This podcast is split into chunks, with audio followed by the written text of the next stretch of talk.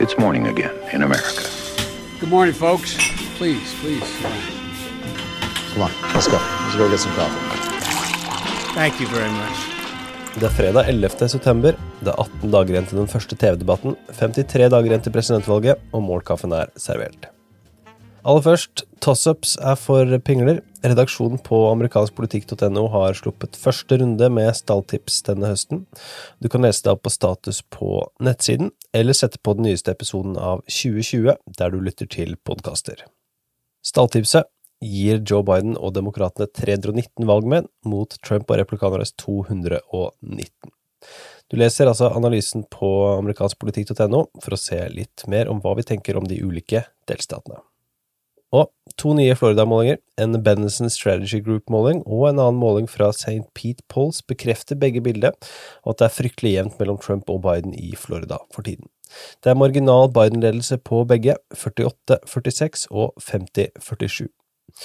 Og reklamefri 11. september. Biden-kampanjen har besluttet å sette sine TV-reklamer på vent i dag, i respekt for at det er 19 år siden terrorangrepet mot USA. Både Trump og Biden vil reise til Shanksville, Pennsylvania, hvor det ene flyet styrtet i 2001. The Hill har ikke fått svar fra Trump-kampanjen om hvorvidt de også kommer til å ta en pause fra å sende reklamer i dag. Dagens første sak, oppdatert Crystal Ball. Når du er ferdig med å lese vårt stalltips på amerikanskpolitikk.no, så kan du ta turen til Larry Sabatos Crystal Ball, der de har publisert en oppdatert versjon av sitt valgmannskart. Den eneste endringen fra forrige versjon er at Nebraska sitt andre kongressdistrikt nå vurderes til å lene demokratisk i stedet for å være en toss-up. Velkommen etter, kan vi kanskje si, ettersom vi har det som svakt demokratisk i vårt toss-up-frie stalltips. I Sabatos modell så vurderes nå 65 valgmannsstemmer som toss-ups, det vil si at de ikke ønsker å si om det lener verken den ene eller den andre retningen. Det gjelder da Arizona, North Carolina, Florida og Wisconsin. Og så har de 269 stemmer som enten lener eller er trygge for Biden og demokratene, mens 204 enten lener eller er trygge for Trump og republikanerne. Og det hele handler jo om å skaffe seg 270 valgmannsstemmer som vil sikre valgseier. Det noe forsiktige hovedpoenget her er at Biden vurderes til å være i en bedre posisjon enn Trump, men at det blir feil å undervurdere Trumps sjanser også i 2020.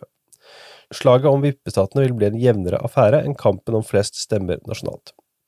Det skisseres også to ulike utfall av valget. Scenarioet som gir Trump fire nye år, er at presidenten vinner 295 valgmenn mot Bidens 243. I grove trekk betyr dette at Trump evner å ta mange av de samme statene han vant i 2016, med noen endringer. Michigan blir demokratisk igjen, men Trump evner å vinne i Nevada i et slikt scenario. 295 blir da en liten nedgang fra 2016, hvor Trump henter 306 valgmenn totalt. Scenarioet som gir et godt valg for Biden, betyr 350 valgmenn mot Trumps 188. Her vinner Biden tilbake Michigan, Wisconsin og Pennsylvania i Midtvesten, samtidig som han tar Arizona, Georgia og Florida. Så de har altså litt ulike scenarioer, mens vårt stalltips da sier noe om hva vi tenker akkurat nå. Dagens andre sak. Biden holder stand i en ny nasjonal måling. Den nyeste nasjonale målingen fra Monmouth University gir Biden en ni poengs ledelse nasjonalt blant registrerte velgere, 51-42, og en syv poengs ledelse blant sannsynlige velgere. Ledelsen på ni poeng stemmer godt overens med det som var status for én måned siden, mens sannsynlige velgere er en ny modell som ikke har noen sammenligningsgrunnlag hos Monmouth. I samme måling så spør de hvor eh, mye kandidatene respekterer militære og veteraner.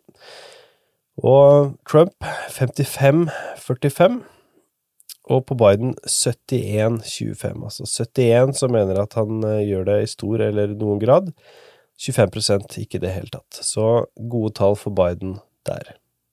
Dagens tredje og siste sak, velgerne ønsker å forhåndsstemme. En Washington Post Maryland University-måling gjennomført av Ipsos har funnet ut at hele seks av ti registrerte velgere ønsker å forhåndsstemme ved valget i november. Det er fortsatt knyttet mange spørsmål rundt poststemmegivningen og koronaviruset, noe som har fått flere velgere til å ta sine forhåndsregler. I 2016 kom fire av ti stemmer inn som forhåndsstemmer, og det pekes på at dersom økningen fra spørreundersøkelsen blir en realitet, vil dette også kunne legge press på valgsystemet. Økningen er også markant blant de som har uttrykt et ønske om å benytte seg av såkalte absentee ballots. 32% ønsker å sende stemmeseddelen i posten, mens 17% ønsker å benytte seg av en dropbox. Dette er en nesten dobling fra 2016, hvor 26% benyttet seg av en av disse løsningene. Dagens utgave av Målkaffen er servert av Henrik Skotte og undertegnede Are Togoflaten. Du leser mer på amerikanskpolitikk.no, og så snakkes vi i neste uke.